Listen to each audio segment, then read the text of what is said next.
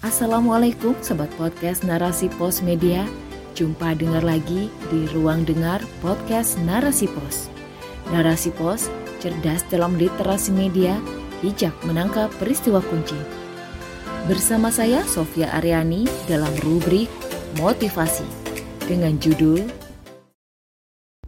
Bersyukurlah, nikmat untukmu begitu besar oleh Maria Zawawi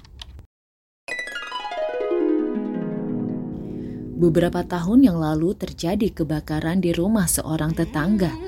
Rumah itu baru selesai diperbaiki. Rumah yang awalnya berdinding kayu itu telah berubah menjadi rumah tembok.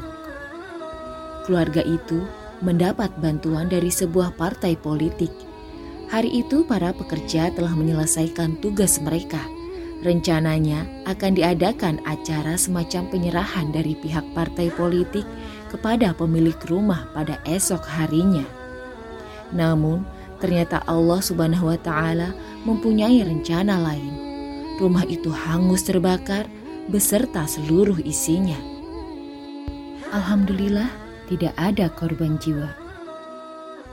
Penyebab kebakaran diduga berasal dari bara kayu bakar yang masih tersisa di dapur. Siang yang terik membuat bara itu menyulut api dan membakar benda-benda di dekatnya. Barang-barang berbahan plastik dan kertas itu membuat api membesar dengan cepat. Dalam waktu singkat, rumah kecil itu pun habis dilahapnya. Bahkan dinding rumah saudara mereka di sebelahnya pun ikut terbakar, meskipun hanya sedikit. Pemilik rumah itu adalah seorang tukang beca, sedangkan istrinya bekerja serabutan menjahit baju, atau membantu memasak di rumah tetangga yang ada hajatan sering dilakukan sang istri. Untuk menambah uang belanja, ia juga mengumpulkan barang-barang bekas yang dapat didaur ulang. Barang-barang bekas itu disimpannya di dapur sebelum disetor ke pengepul. Tentu sangat besar artinya rumah itu bagi mereka. Tak mudah bagi mereka untuk membangun kembali rumah itu. Namun, mereka tetap tabah. Sang ibu tampak begitu tegar, sedangkan putri bungsunya menangis terseduh-seduh menyaksikan tempat tinggalnya yang hanya tinggal puing-puing. Beberapa tetangga pun berusaha untuk menghiburnya. Salah seorang tetangga merangkul pundaknya untuk menenangkan hatinya. Saat melihat itu, saya pun berkata dalam hati, Seandainya saya yang mendapat musibah itu, entahlah apakah saya akan mampu menanggungnya. Begitu pula saat mengetahui ujian yang diterima oleh seorang teman, ia diuji dengan keluarganya. Salah satunya diuji dengan suaminya. Sang suami tidak mau bekerja, bahkan melakukan kekerasan terhadapnya. Waktu itu, saya pun berpikir, bahwa belum tentu saya mampu menanggung ujian seperti itu. Masih banyak lagi ujian-ujian berat yang diterima oleh saudara, teman, atau tetangga. Ada yang memiliki anak berkebutuhan khusus, ada yang suaminya meninggal saat anak keempatnya baru berumur beberapa hari, ada pula yang diuji dengan kemiskinan, keluarga yang berantakan, dan sebagainya. Yang terakhir, saya membaca kisah hidup seorang pendiri sekaligus pemimpin redaksi sebuah media daring. Kisah yang sangat menyedihkan. Kisah yang dulu saya kira hanya ada dalam buku-buku dongeng atau dalam film.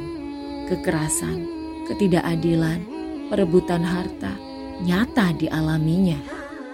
Mungkin seperti cerita bawang putih yang dizalimi oleh ibu tiri dan anaknya, bawang merah. Kisah pahit itu dialaminya hingga bertahun-tahun. Setelah membaca kisahnya, saya pun berpikir, betapa sangat beruntungnya saya selama ini. Betapa banyak nikmat yang telah Allah Subhanahu wa taala berikan kepada saya dan keluarga. Meski kami tidak bergelimang harta, tetapi Allah Subhanahu wa taala mencukupi kebutuhan kami. Kebutuhan akan sandang, pangan, dan papan masih mampu kami penuhi. Begitu pula dengan pendidikan dan kesehatan. Saya juga dikelilingi oleh orang-orang yang baik, orang tua, saudara, kerabat, tetangga, dan teman. Mereka semua bersikap baik. Meskipun saya berbeda pendapat dengan mereka dalam metode dakwah, tetapi mereka tidak pernah melakukan kekerasan fisik terhadap saya. Bukan berarti saya tidak pernah mendapat ujian. Ujian akan selalu diberikan oleh Allah Subhanahu wa taala kepada setiap manusia. Sejak kecil, ujian yang paling sering saya terima adalah sakit. Namun, masih ada yang diuji dengan sakit yang jauh lebih berat dari saya. Karena itu, tidak ada alasan bagi saya untuk tidak mensyukuri segala karunia Allah Subhanahu wa taala. فبأي آلاء ربكما تكذبان Maka nikmat Tuhanmu yang manakah yang engkau dustakan? Quran Surat Ar-Rahman ayat 13 Ah, begitu besar nikmat yang telah Allah Subhanahu wa taala berikan kepada saya. Saking banyaknya, saya pun tidak mampu untuk menghitung semuanya.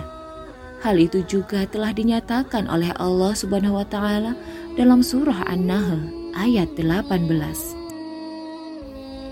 Dan jika kamu menghitung-hitung nikmat Allah, niscaya kamu tidak dapat menentukan jumlahnya. Sesungguhnya Allah benar-benar Maha Pengampun, lagi Maha Penyayang.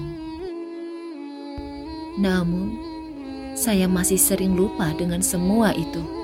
Lupa dengan nikmat sehat, nikmat waktu luang, nikmat rezeki, dan nikmat-nikmat lain yang tidak dapat saya sebutkan. Saya masih sering mengeluh hanya karena sedikit ujian. Saya juga kurang bersyukur ketika nikmat itu sedikit berkurang. Saya juga merasa menderita hanya karena sedikit kesulitan. Padahal di saat yang sama, Allah Subhanahu wa Ta'ala memberikan kemudahan pada urusan lainnya seperti yang dijanjikannya dalam surah Al-Insyirah ayat 5 sampai 6. Maka sesungguhnya bersama kesulitan ada kemudahan. Sesungguhnya bersama kesulitan ada kemudahan. Saya juga masih sering lalai dalam menjalankan segala perintahnya maupun menjauhi larangannya. Padahal itulah yang seharusnya saya lakukan sebagai bentuk syukur terhadapnya. Ya Allah, betapa diri ini masih sering menzolimi diri sendiri.